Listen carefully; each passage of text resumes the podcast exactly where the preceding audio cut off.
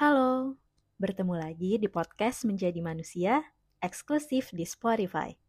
Semoga podcast ini bisa menenangkanmu ya. Selamat mendengarkan. Pengalaman hidup yang kita alami adalah sarana pembelajaran terbaik, walaupun tanpa guru yang mendampingi kita. Beberapa orang datang untuk menyakiti, pergi, tak kembali jabat tangan sering kali hanya sebatas basa-basi. Mencari kesalahan di antara kesalahan hingga berubah jadi penyesalan dari sebuah perkenalan. Mencintai terkadang menyakitkan, apalagi ketika kita dicampakkan lalu mencari cara menyelamatkan diri. Dalam setiap detik, kita berjuang, bertahan.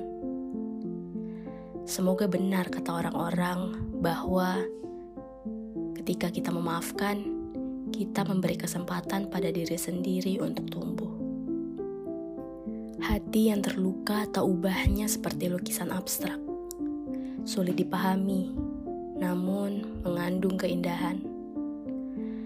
Apakah cinta dan luka memang saudara kembar yang menghidupkan serta juga melumpuhkan? Walaupun retaknya hati terukir jelas di sini, Aku percaya bahwa luka hati bukanlah akhir dari semuanya. Aku tak mau diriku menghitam dengan luka dan dosa. Mereka mengajariku tentang caranya memaafkan.